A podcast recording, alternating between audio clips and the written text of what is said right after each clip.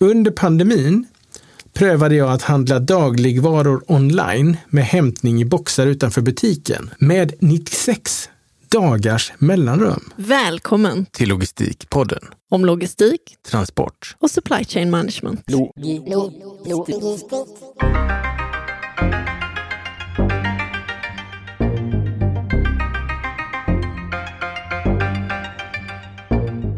Varmt välkommen till Logistikpodden. Påsken har passerats, våren är på gång och vi har läst e-barometern. Hur står det egentligen till i svensk e-handel? Ja, det där får vi lite indikationer på i slutet av eh, det här avsnittet. Vi kommer också återbesöka det här med vardagslogistik. En av våra lyssnare, Sten Wandel, har eh, dokumenterat hur han har förändrat sin personliga logistik och hur han ser på matinköp, klädinköp, resor och så vidare. Och eh, om ni undrar hur en logistikprofessor planerar sitt liv så ska ni verkligen stanna kvar och lyssna, för det här är superintressant. Vi har också fler lyssnarinspel. Eh, ett väldigt intressant som triggar mig och Nina lite grann när vi pratar om vad värde är egentligen. Vad är vi villiga att betala för? Och eh, vad händer när vi sen automatiserar allting? Finns värdet egentligen kvar då? Varmt välkommen till Logistikpodden magasin nummer 54.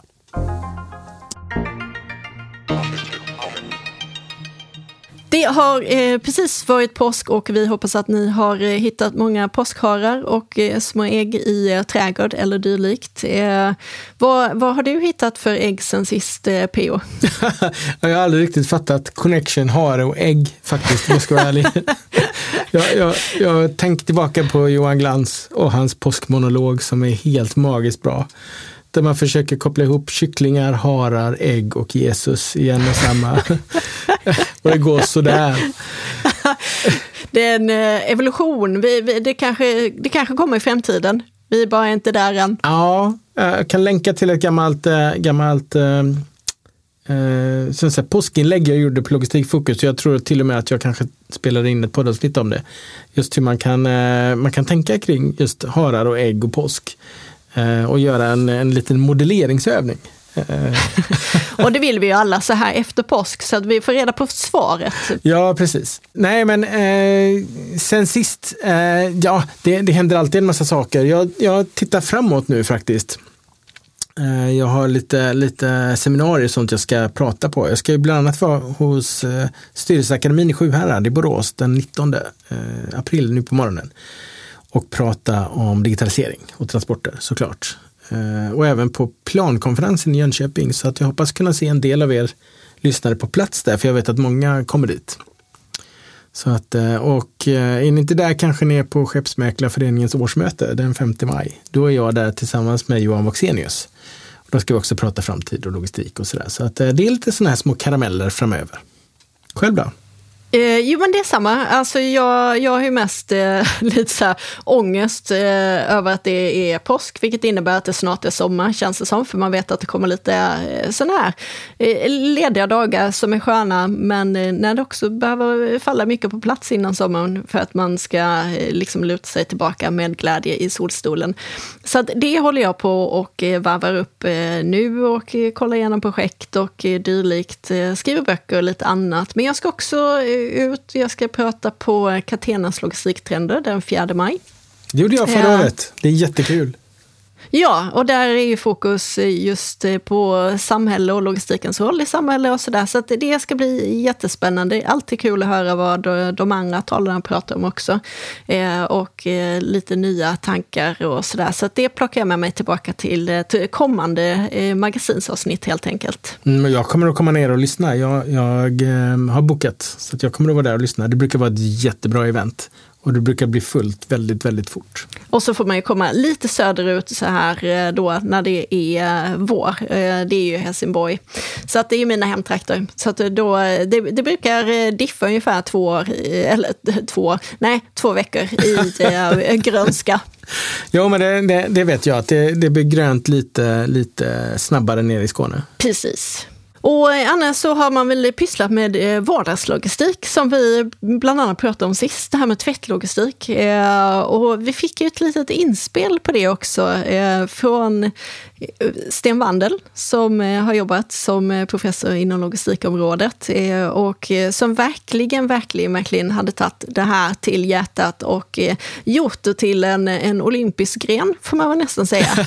ja, det kan man verkligen säga. Sten är ju en av giganterna i logistik-Sverige, såklart. Han är professor emeritus. Det kallas det ju när man är pensionerad professor, men man är ju kvar sin professorstitel.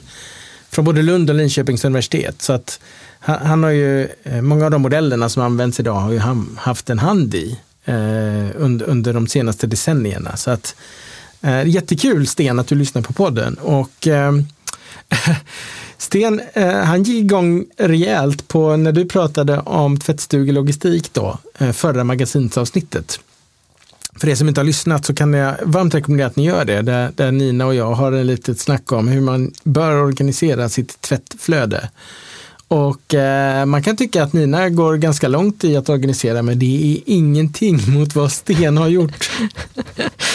och, och, för er som också tror att, att jag är eh, liksom en eh, sån här eh, maffiaboss hemma, så kan jag bara säga att det är min man som sköter diskmaskinen och han, är tio, han har tio fler regler än jag har faktiskt. Så att det, det, det, det finns alltid att slipa på. Ja, men alltså att, att fylla en diskmaskin, det är en konst. ja, det är ingen lek om man frågar fel person. Alltså det, det, och liksom, antingen så, så, man kan titta över tiden, antingen så kör man tio diskmaskiner eller så kör man åtta. Det, det är på den nivån. Alltså man, kan, man kan alltid få plats med 20 procent eh, mer eh, om man verkligen tänker på att varje grej ska ha sin plats och sådär i diskmaskinen. Det är inte alla som fattar och uppskattar det. Nej, sen oh, då måste vi nästan komma in på det här bestickfack. Ska man ha bestickfack eller ska man ha så här när man lägger enskilda bestick? Det är vissa märken som har det. Eh, alltså besticken blir nog i medeltal renare och sådär, men det, det man lägger mer tid på att eh, det man kallar inom samanalys för placera precis. Det vill säga det tar längre tid att, jag tar besticken i en näve och bara tjongar ner dem i, eh, i bestickfacket. Om en gaffel då behöver köras två gånger så får det väl vara så. Ja, vi har ju något mellanting där. Jag tycker inte om de här eh, utdragbara där man ska lägga varje bestick för sig för det tar för lång tid. Eh, däremot så i bestickfacket så står ju gafflar för sig, skedar för sig och, och sådär. Så att när man väl plockar upp det så kan man ta hela. Men då får man ju också vara lite noggrann med att se till att två skedar inte hamnar i skedläge med varandra. Eh, utan att då kanske man får vända på en del eller se till att de liksom inte klistras ihop. Men precis som du säger, det är väldigt sällan man behöver köra en gång till. Ja, och det där började jag med eh, som logistiker då, att gafflarna ska vara i samma fack och skedarna ska vara i samma och så vidare. Men eh, jag har slutat med det. Däremot så använder jag ju handtaget i besticklådan och tar den i handen, ställer mig ovanför lådan och då går det på typ 15 sekunder så har du tömt en sån. Eh, så att det tar inte mer än så. Eh, men nu ska vi inte prata om oss, nu ska vi prata om vad Sten har gjort, för det här är så imponerande. Precis. Jag, ska citera Sten, ni kan gå in och läsa detta, för han kommenterade på vårt avsnitt på LinkedIn. Eh, men vi, vi tänkte att det här måste vi läsa upp, för det här är så imponerande. Han skriver så här, genom att öka längden mellan aktiviteter så kan det personliga klimatavtrycket minskat, minskas avsevärt. Och det kan vi nog hålla med om. Och han exemplifierar då här. Under pandemin prövade jag att handla dagligvaror online med hämtning i boxar utanför butiken. Det var ju många som gjorde. Med 96 dagars mellanrum. Det vill säga var tredje månad. Det är 96 dagar ungefär va? 32 kassar fyllde bilen helt och kyl och frys till 75 procent. Nu snackar vi. Och det mest imponerande är ju då att två halva grönsaker fick kastas. Menyn fick bli efter det som fanns hemma och inte först besluta menyn och sen handla. Ja, och jag kan säga att, att eh, handla var tredje månad, det skulle jag aldrig klara av tror jag. Eh, jag vet inte hur du, eh, nu, nu kanske, vi, jag vet att Sten bor själv så att han handlar till sig själv. Men eh, om man har en familj då får man kanske höja den frekvensen lite grann eller ha med en lastbil då, var tredje månad. Ja, eh, precis. Eh, det är alltid där gånger fyra man eh, får ta. Men på, på sommarhalvåret skulle man ju mer kunna tänka sig det, för då kan man ju odla egna grönsaker också och plocka upp det. Annars så, så är det just det här med färska grönsaker är ju eh, en eh, ynnest. Men han skriver ju också att det här var ju under pandemin. Optimalt för ensamma hushållet som han har, det är 30 dagars mellanrum mellan butiksbesöken då. Eh, och med det då så menar han på att han minimerar både eh, CO2-utsläppet genom att eh, helt enkelt inte åka fram och tillbaka till butiken i onödan Eh, och eh, äter upp det som köps helt enkelt. Så att det är nog det optimala ändå, för jag skulle gissa på att eh, när han väl närmar sig de här 30 dagarna så finns det inte så många sådana här isskulpturer kvar i frysen som har glömts bort, utan då har man tömt allting och så börjar man om. Mm. Nej, det här är ju ett, tar, tar man ett logistikperspektiv på ett hushåll så är det precis så här man behöver göra. Han, han, han bedömer att han, eh, hans eh, matinköp då leder till 90% mindre CO2 än genomsnittshushållets. Och det räknar han väl med antal resor antar jag till butiken då, som behöver minska med det. Eh, men sen har han lite exempel då på hur han ändrat sitt beteende. Inte bara det här med att handla. Han äter oxkött var fjortonde dag så att två gånger i månaden. Eh, han köper kläder var 180 dag. Var, alltså en gång i halvåret då ungefär, kan man säga tror jag jag gör också.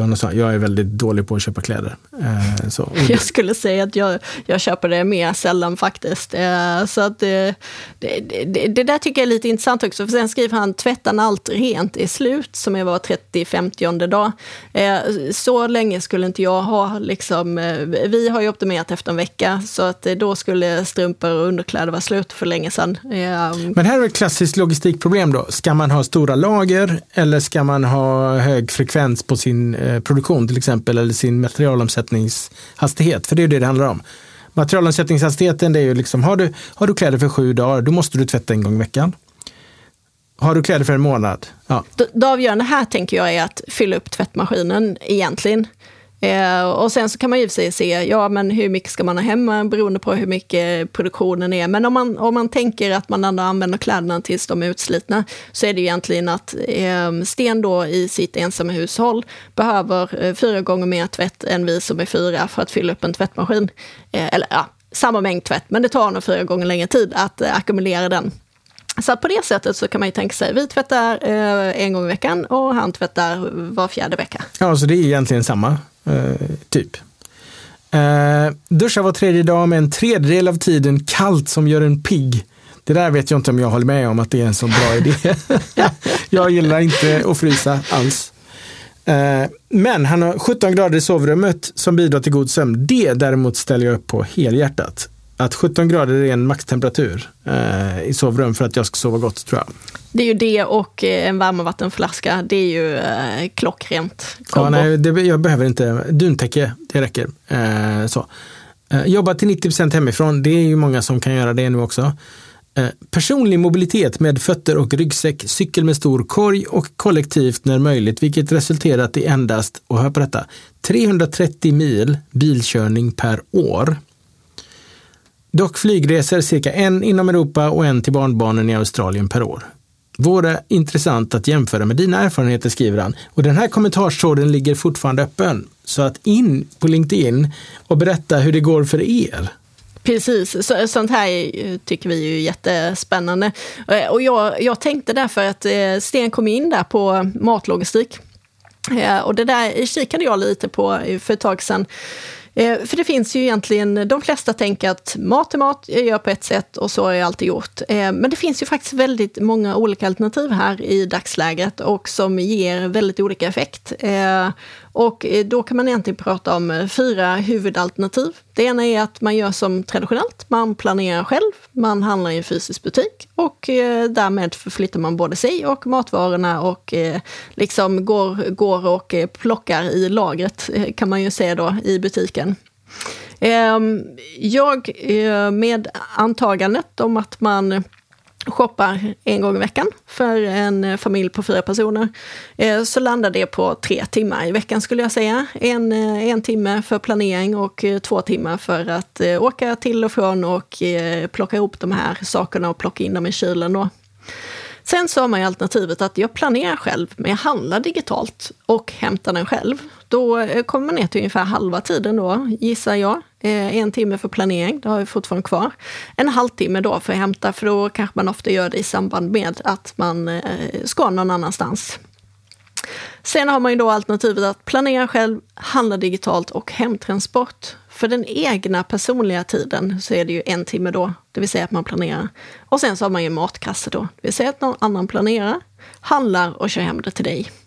Eh, och det här finns ju inget rätt eller fel, för det, det beror dels på vad man tycker är kul eh, och vad man vill lägga sin tid på och hur man är ute och, och transporterar sig i övrigt. Men det får rätt så stora konsekvenser faktiskt. När man lägger ihop all den här tiden, om man går från att jag planerar själv, jag åker till en affär, handlar och så åker hem, eller att man har matkasse, så skiljer det faktiskt eh, ungefär två veckor. Eh, alltså den sammanlagda tiden då på eh, ett år blir ungefär eh, två veckors ledig arbetstid.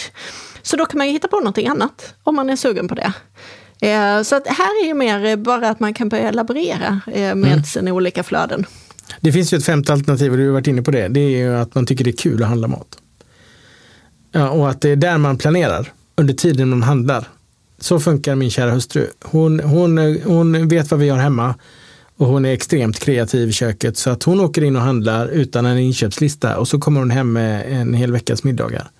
Så att där sker planeringen genom att hon får inspiration i butiken. Mm.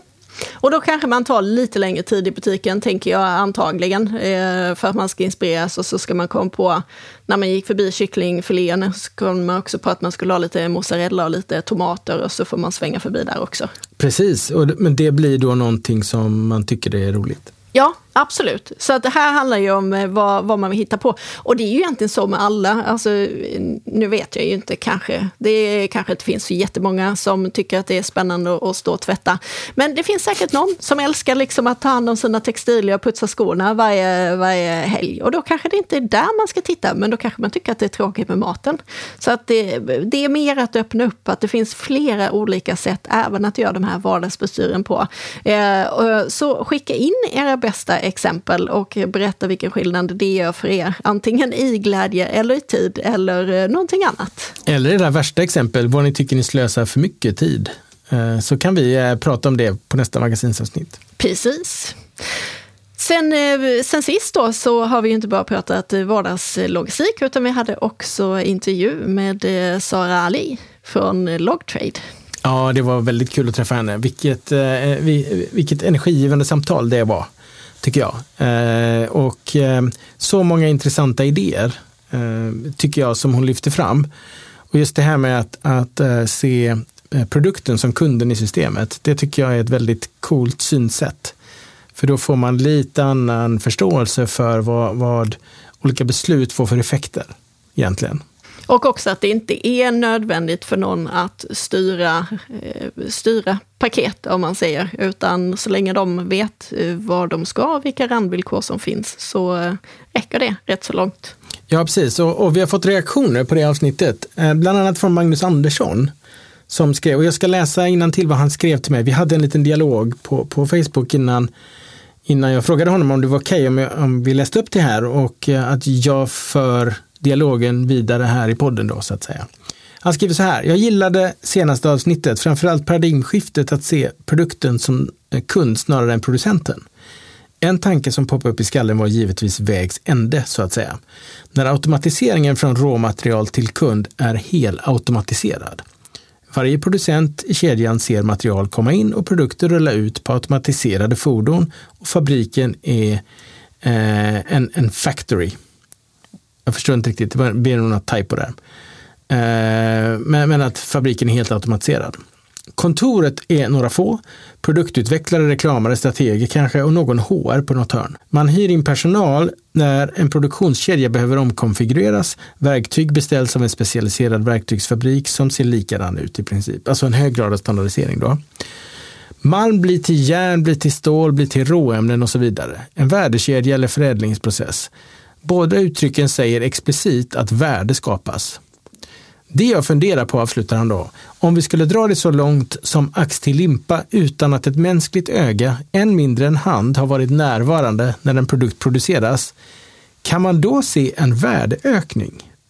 Om man samtidigt tänker sig pengar som en form av ersättning för tid nedlagd. Så skriver han. Och det där är ju lite intressant. Ja, precis. Det här värde och vad är det och relationen med tid, det är ju någonting som man som rådgivare alltid eh, egentligen håller på att fundera på och försöka utbilda kunder i. Eh, för egentligen så tycker jag värdeskapande har ju egentligen inget alls med nedlagd tid, utan det handlar om i den formen som materialet i det här fallet då befinner sig i hur mycket är det värt för någon? Och om jag gör den här aktiviteten eller förädlar det på det här sättet, höjer jag eller sänker jag värdet eller är det bibehållet? Det är ju det som är det intressanta. Om det är människa inblandad eller inte har ingenting alls med saken att göra. Nej, precis. Och du ska få höra vad jag skrev, till, jag skrev tillbaka. Som jag sa, vi skrev fram och tillbaka ett par gånger innan jag bestämde mig för att vi kör det här i podden. Jag skrev då att det var intressanta reflektioner och just vad är värde? Frågetecken.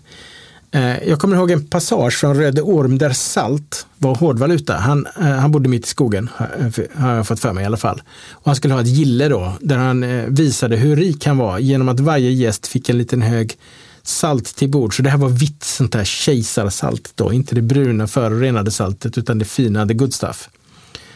Jag menar, idag är salt mer eller mindre gratis kan man säga. Det är väldigt, väldigt billigt i alla fall. Och även på vikingatiden så kan man väl säga att salt var väldigt billigt om du bodde på rätt ställe också. Det handlar ju om tillgång till saltvatten. I princip så har du obegränsad tillgång på salt. Men, men vi som konsumenter vi är villiga att betala för någon form av verkshöjd eh, på något sätt. Och det kan vara en varas egenskaper eller varför inte en tjänst som skänker bekvämlighet eller liknande, typ hemleveransen av en matkasse till exempel, kan det vara då som gör att matkassen blir mer värd än om jag hade åkt, hem, åkt och hämtat den själv, om man nu värderar sin tid då, till exempel. Och sen det här med, med eh, automatisering, det har ju vi hållit på med väldigt, väldigt länge. Eh, jag menar, Spinning Jenny var 1764 och den var inte ens först, utan det fanns annat innan den. Eh, så att även om digital teknologi nu låter oss automatisera hjärnan och inte bara musklerna, så har vi hållit på med det väldigt, väldigt länge. GPT, jag har den här GPT-4 nu. Jag har skaffat, jag, jag, jag pyntar en slant i månaden för att få det senaste eh, ChatGPT-versionen. Och den är ett lysande exempel. Har, har en text som är genererad av ChatGPT ett värde egentligen? Det kan den ju såklart ha. Om den som genererar den sparar tid eller kanske får inspiration eller till och med något arbete utfört. Eller vad säger du? Ja, nej men eh, precis. Det är precis så man tänker. Eh, det handlar inte om vem som har gjort det, eh, för man kan egentligen se ChatGPT som en leverantör. Du skulle likväl kunna beställt det av en copy och så levererar de det. Det viktiga är ju att man vet vad man köper. Om man säger när det är fysiska produkter, kanske det blir enklare att kontrollera, men då vill du ju ändå, ja men du har vissa villkor att det ska vara miljövänligt och det ska vara skett på ett visst sätt och ansvarsfullt och sådär. Och det är väl samma här, att eh, har ChatGPT eh, levererat en text, eh, ja, hur vet du att du kan lita på fakta? Det är väl den viktigaste frågan, sådär. men själva värdet i det som skapas eh, har ju inget med eh, om det har utförts manuellt eller om det har gjorts eh, automatiskt. Nej, precis. Och, Magnus svarade på den här frågan också. Eh, så jag läser upp hans svar igen, så kan vi väl se var vi landar. I ett tidigare jobb så försökte jag argumentera för att sluta sälja timmar och istället sälja värde.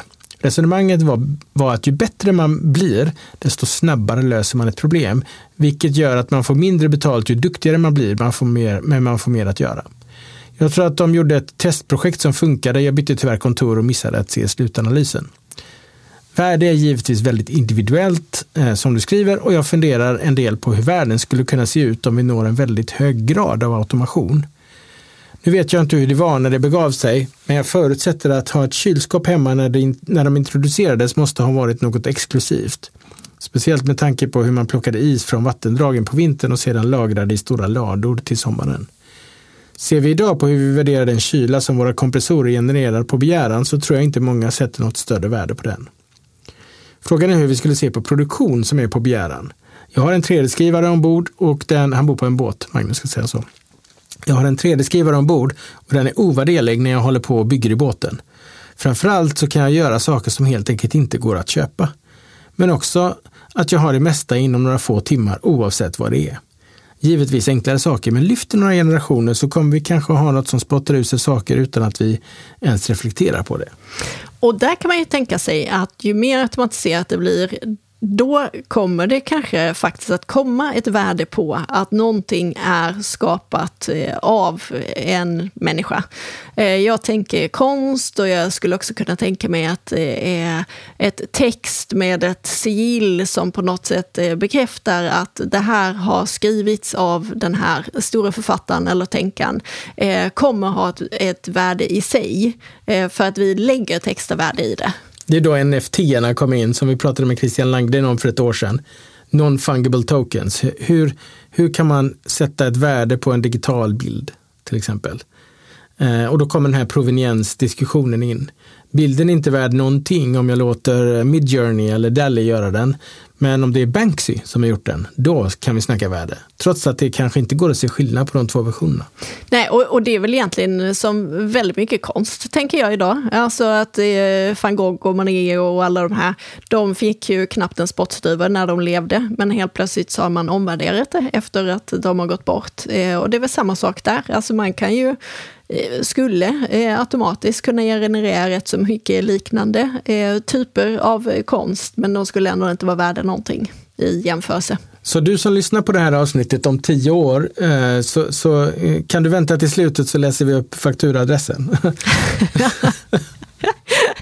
Precis, men det är, det, det, är väldigt fascinerande för vi mäter ju väldigt mycket i tid. Men tid är kanske inte riktigt den avgörande faktorn som vi gärna vill tillskriva det i, eh, utan det är någonting som vi är vana vid, precis som vi är vana vid vissa typer av valuta eller annat. Men, alltså det är ju det teknologin köper oss nu.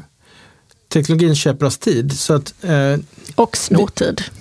Ja, snor tid också, men en sån sak som ChatGPT. För den som tidigare la eh, 80 procent av sin dag på att skriva mejl, jag har kollegor som redan har börjat använda detta. Eh, eh, kan nu lägga 20% av sin dag på att kolla de mejl som har genererats och skicka iväg dem. Eh, vi använder teknologin för att automatisera våra hjärnor. Precis som vi använder teknologi för att automatisera för våra muskler. Så, så vi kommer att frigöra tid eh, på grund av att maskinerna helt enkelt blir bättre och bättre på att göra vissa saker som vi tidigare har fått göra själva. Och så har det alltid varit. Det är bara att hastigheten ökar. Och jag tänker det viktiga är ju ändå lite sådär att man då inte eh, låter den äta upp din tid också genom att eh, ja, sociala medier eller fastna i spel eller någonting annat där man eh, liksom verkligen har byggt in mekanismer för att fånga dig så länge som möjligt oavsett eh, att loggar du ut från det här spelet nu så får du inte den här extra bonusen. Men om du loggar in igen om 34 minuter så eh, får du eh, det här lite extra. Eh, Våra hjärnor blir ju hackade hela tiden av diverse belöningsmekanismer. Eh, det är inte bara inom spel utan det är all typ av marknadsföring. Och allting som finns till för att påverka dig som konsument bygger ju på det. Jag vet, jag har ju ofta lyft upp hur, hur man, eh, när man beställer hem mat, blir nudgad att välja samma tidsfönster som grannarna har. Det är ett slags gamifiering av, av, som underlättar för dem att planera sin leveransrunda till dig då. Eh, så vi ser ju det där överallt hela tiden. Och det är klart att i de flöden vi prenumererar på, där finns det ju en hel del gamifierande saker som händer hela tiden. Och det är ju inte så att det inte har funnits innan. Eh, jag menar, eh, det har ju funnits reklam rätt så länge och det har funnits marknadsföring och alla typer av försäljning är ju också en typ av, av att man försöker övertyga den andra om någonting. Men det har kommit närmare och närmare och blivit mer personorienterat. Ja, men det har det. det har det. Och det har att göra med att man nu kan individualisera och skala samtidigt. Den här mass customization som digital teknologi medger. Det vill säga, du, du, det kostar inget extra. Det är hela, um, hela den här typ Airbnb. Uh, att du, du kan ha en long tail of demand. Att alla som uh, vill bo någonstans kan få sina individuella behov tillfredsställda Tidigare var man tvungen att välja att bo på ett hotell för det var det enda som fanns. Helt plötsligt kan man bo i en lägenhet precis där man vill bo i den här staden och kanske till den budget man har. Och det kan man göra på grund av att nu behöver inte människor hålla reda på allting eller, eller ligga på lager med alla de här lägenheterna och vänta på rätt hyresgäst utan det där sköter datorerna om. Så att Det är på gott och ont såklart, men teknologin den hjälper ju oss att få mer skräddarsydda upplevelser som individer. Definitivt, så att jag tror eh, det finns ju inget snack om att det händer massa som underlättar. Jag, jag som jobbar mycket med vården till exempel, att kunna ha ett, ett datorstöd som hjälper mig att av de här massor, massor, massor med olika diagnoser där en del är väldigt sällsynta och därför så kanske du ser dem två gånger under din livstid. Väldigt svårt att då diagnostisera de här. Att, att få hjälp med beslutsstöd och annat där är ju ovärderligt. Men jag tror också att eh, i takt med att tekniken kommer närmare, blir mer personlighet eh, och vår uppmärksamhet blir väldigt värdefull, så kommer det också vara en, en superkraft att, att kunna fokusera och att kunna eh, stänga av kanaler för att fokusera på en uppgift till exempel. För det eh, tror jag att de som växer upp just nu eh, har eh, en utmaning. Ja, de bygger andra skills, så kan vi säga. Eh, de blir duktiga på andra saker än vad vi växte upp med, eh, som hade få kanaler. Eh, så, så, att the jury is out. Vi får väl se var det landar. Men ja, jag läste någon artikel om, om just TikTok till exempel i USA och att det är till, tillgängligt för alla barn där och det är det väl här också. Och väldigt stor andel av dem vill bli influencers när de blir stora.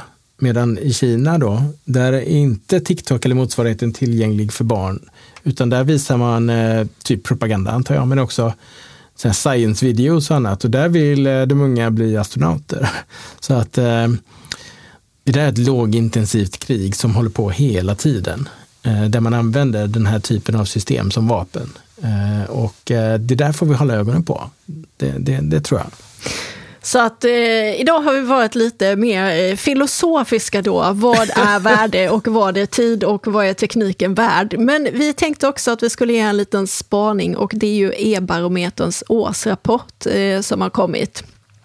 Det är ju Postnord som släpper den eh, och eh, där kommer de ju lite statistik då alltid om hur, hur vi beter oss helt enkelt på, eh, med e-handel och vad, vad som har hänt sen sist.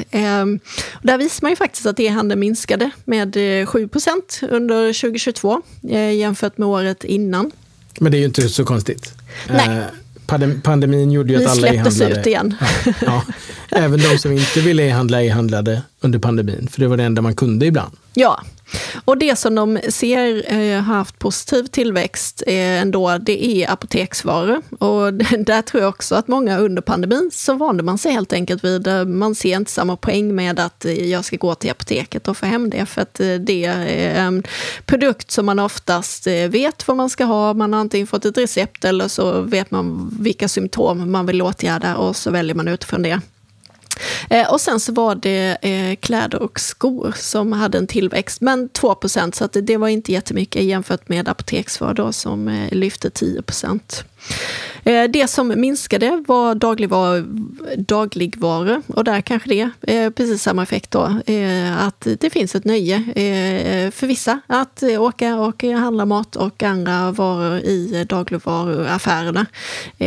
Så att det minskade och också barnartiklar och leksaker minskade. Så det är lite spännande. Ja, men och, och att de här stora kategoridippen eh, som man ser då på dagligvaror, den är ju inte så överraskande. Men barnartiklar och leksaker, den har jag inte riktigt något grepp om. Stod det någonting i rapporten om, om eh, vad som ligger bakom den? Jag har faktiskt inte eh, hunnit läsa hela än, utan det här var lite sammanfattningen. Men självklart så kommer vi i avsnittet att lägga länken till det, så att det där finns allting och det brukar vara med snygga grafer och annat, så att det brukar vara lätt att ta till sig den här informationen och se vad är det det beror på. Handlar vi mer eh, second hand, eh, det vill säga att vi, vi utbyter dem i närområdet, eller är det så att vi tycker att det har kommit annat som har, har fångat upp det behovet? Det som också var lite intressant var ju att eh, i takt med att paketboxarna, det har vi ju haft och eh, pratat om, eh, de är eh, som rullas ut och att de blir en del av ett nytt leveransmönster kan man väl säga, så har man sett att de här paketen som kommer till utlämningsställe har minskat då från 65 procent av konsumenterna som valde det till 44 procent. Ja, det här tycker jag är lite roligt och jag minns en intervju med Amazon Sverige-chef. Eh, hon, eh, hon är inte från Sverige, hon var amerikan. Och hon förstod inte, eh, det var i alla fall eh, eh andemeningen i intervjun, hon förstod inte hur vi kunde välja utlämningsställen istället för hemleverans. Eh, och, och jag vet att det här pratade vi om innan Amazon kom också. Att, att vi har liksom vaccinerat mot Amazons modell lite grann i och med att vi har vant oss vid våra utlämningsställen och att det är en del av vår vardag att vi passerar de här. Boxarna är ju också utlämningsställen, fast obemannade utlämningsställen. Som då kanske ligger på bättre ställen än vad, än vad tobaksbutiken eller macken eller vad det nu är vi hämtar våra, eh, våra paket historiskt. Så att boxarna är en naturlig del av att man gör utlämningssystemet finkornigare. Men det är fortfarande samma system. Du kan ha ett, en, en ganska hög produktions takt och ganska stor volymsproduktion på sidan som försörjer utlämningsstället med paket. Och sen kan man komma när man själv känner för och när man har vägarna förbi och hämta sitt paket. Och det där är ju något som är lite av en, vad ska man säga, en helig graal då. Att se till så att bägge de här systemen kan samexistera utan att man får någon, någonting som är alldeles för obekvämt på ena eller andra sidan. Och eh, avvägningen antal boxar kan jag tänka mig spelar stor roll där då.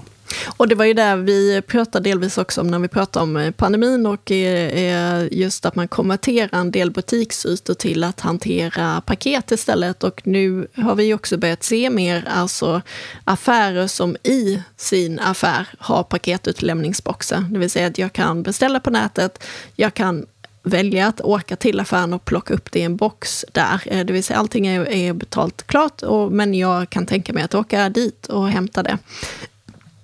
Så att det, det där är också ett annat system. Och den här boxinfrastrukturen som finns nu, den är ju, eh, för det är en infrastruktur som byggs upp. Eh, den börjar ju användas till andra saker. Jag pratade med en sån boxaktör häromdagen de har då avtal med eh, servicefirma som reparerar eh, olika eh, teknisk utrustning. Och då ser de till att lägga ut reservdelar i boxarna så att deras reparatörer inte behöver åka in och hämta dem. Utan de, ja, de ser till att eh, reservdelarna kommer till boxen närmast saker som ska lagas då. Och så eh, kan reparatörerna åka direkt dit och hämta grejerna. Och det där är ju supersmart. Det bygger på digitalt system i botten. Man kan inte fortsätta jobba på 1900-talssättet då. Eh, utan man måste verkligen kunna ha en detaljstyrning i realtid av eh, vad som ska komma till vilken box och när. Häftigt. Ja, det är supercoolt tycker jag. Så att um, det där kanske är någonting vi behöver grotta ner oss lite grann i och se hur det här ekosystemet kommer att fungera. För att det är ju, ett, det är ju en kapprustning nu. Det finns ju företag som vill konvertera din pelarbrevlåda till en box. Eh, det finns eh, företag som vill ha boxar som eh, är mobila och som kan flytta runt beroende på vad som just nu behövs. Sen finns det andra som vill bygga upp ett gigantiskt nätverk av boxar som står i alla ICA-butiker och så Det finns hur många varianter på det här som helst. Men vad de alla gör är att de bygger egentligen obemannade utlämningsställen. Och det häftiga är ju egentligen att man tänker efter hur mycket som har hänt de senaste fem åren. Från att man fick den här lilla lappen i brevlådan om att vi har varit hemma hos dig och du var minsann inte hemma. Till att man nu kan välja nästan precis vad som helst och få det till dörren eller få det dit jag vill. Eh, så att det har hänt otroligt mycket och ibland så kräver det att man stannar upp lite och tittar tillbaka för att man ska inse hur snabbt det faktiskt har gått. Och en spaning som jag, det var några år sedan jag drog den. Eh, och jag tror att det börjar bli dags för den nu igen.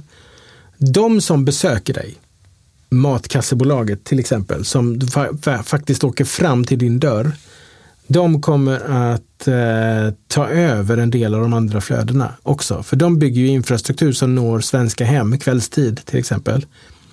Det finns nu en, en eh, drivkraft som gör att de kan agera utlämningsställe åt dig. Det vill säga, när du beställer din vara, vad det nu är, ett par strumpor från Boss, så kanske de hamnar i din Mathemkasse när du får hem din veckoleverans. Eh, det där är ju något som jag tror kommer att komma nu för att infrastruktur är dyrt. Och vad de här företagen gör, de bygger upp en infrastruktur som når svenska hem kvällstid. Den kommer de ju såklart att vilja fylla med allt möjligt som vill också fram till svenska hem kvällstid. Och eh, jag tror vi har bara sett början på den här revolutionen. Däremot är min känsla att eh, det antingen råder eh, chaufförsbrist eller dylikt just nu. För att eh, vår upplevelse är i alla fall att alla eh, leveranser eh, hem just för tillfället blir försenade. Eh, man får eh, sent besked om att oj, vi hann inte med dig idag. Eh, det kommer någon, någon gång de närmaste dagarna. Och så har det inte riktigt varit innan. Nej, det tror jag. Eh, chaufförsbrist är ett globalt problem. Eh, det är inte bara här i Sverige och det, vi pratar enorma mängder eh, chaufförer som kommer att behövas de kommande åren och ändå går medelåldern i branschen upp för varje år. Eh, för att unga personer väljer helt enkelt inte den här branschen. Och nu, nu finns det en massa förslag då på att sänka körkortsålder och så vidare. Eh, jag tror inte på de förslagen personligen. Jag tror inte att eh, det, det, är ungefär, och den här med signing, bonus och så vidare. Alltså det, det är bara kortsiktiga, det är konstgjord andning som inte riktigt fungerar. Utan jag tror att för att lösa det här, för vi kommer att automatisera stora delar av transportsystemet, men vi är inte där än för att lösa det här så kommer man att behöva behandla chaufförerna bättre. Ja, för det, det känns ju rätt så slitigt. De stannar till vid en liten eh, ficka, kastar sig ur bilen, släpar ett tungt paket, får en signering och så tillbaka igen eh, med andan i halsen för att köra vidare till nästa. Så att eh, ja, men jag har också kollegor som skulle flytta in i eh, eh, nybyggd lägenhet då. Och där fick de väldigt sent besked om att det blev ett eh, halvår försenat. Och det var också inte på grund faktiskt av materialbrist. I alla fall inte var det det som hävdades, utan brist på eh, chaufförer som kunde eh, transportera sakerna till byggarbetsplatsen. Och då kan man ju fråga sig, de ställena som har mest problem, störst problem med chaufförsbrist, det är väl de systemen där chaufförerna har lämnat först. Och eh, varför har de gjort det? kan man ju diskutera. Eh, jag tror att det finns en hel del självrannsakan att göra i transportindustrin kopplat till hur chaufförer behandlas. Och hela den här sociala hållbarheten som hittills mest har handlat om, eh, om eh, chaufförer från andra länder som kommer hit och kör inrikestransporter och så vidare att de då eh, lever under eh, existensminimum och fruktansvärda förhållanden. Vi har haft intervjuer om det där tidigare. Jag tror att vi måste lyfta det där och faktiskt prata riktig social hållbarhet. Och det där är ju också någonting som vi har varit inne på innan, att transporter kostar. Det finns inget som heter en gratis frakt, eh, oavsett vad folk vill få er att tro.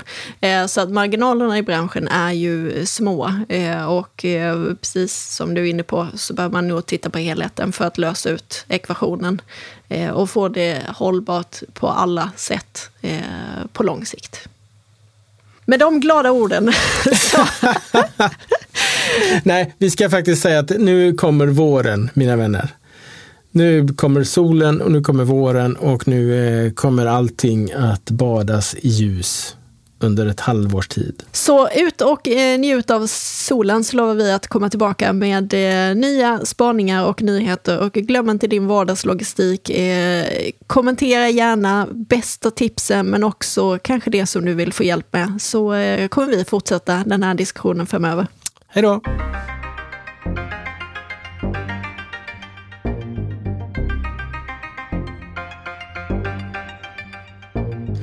Varmt tack för att du har valt att lyssna på Logistikpodden.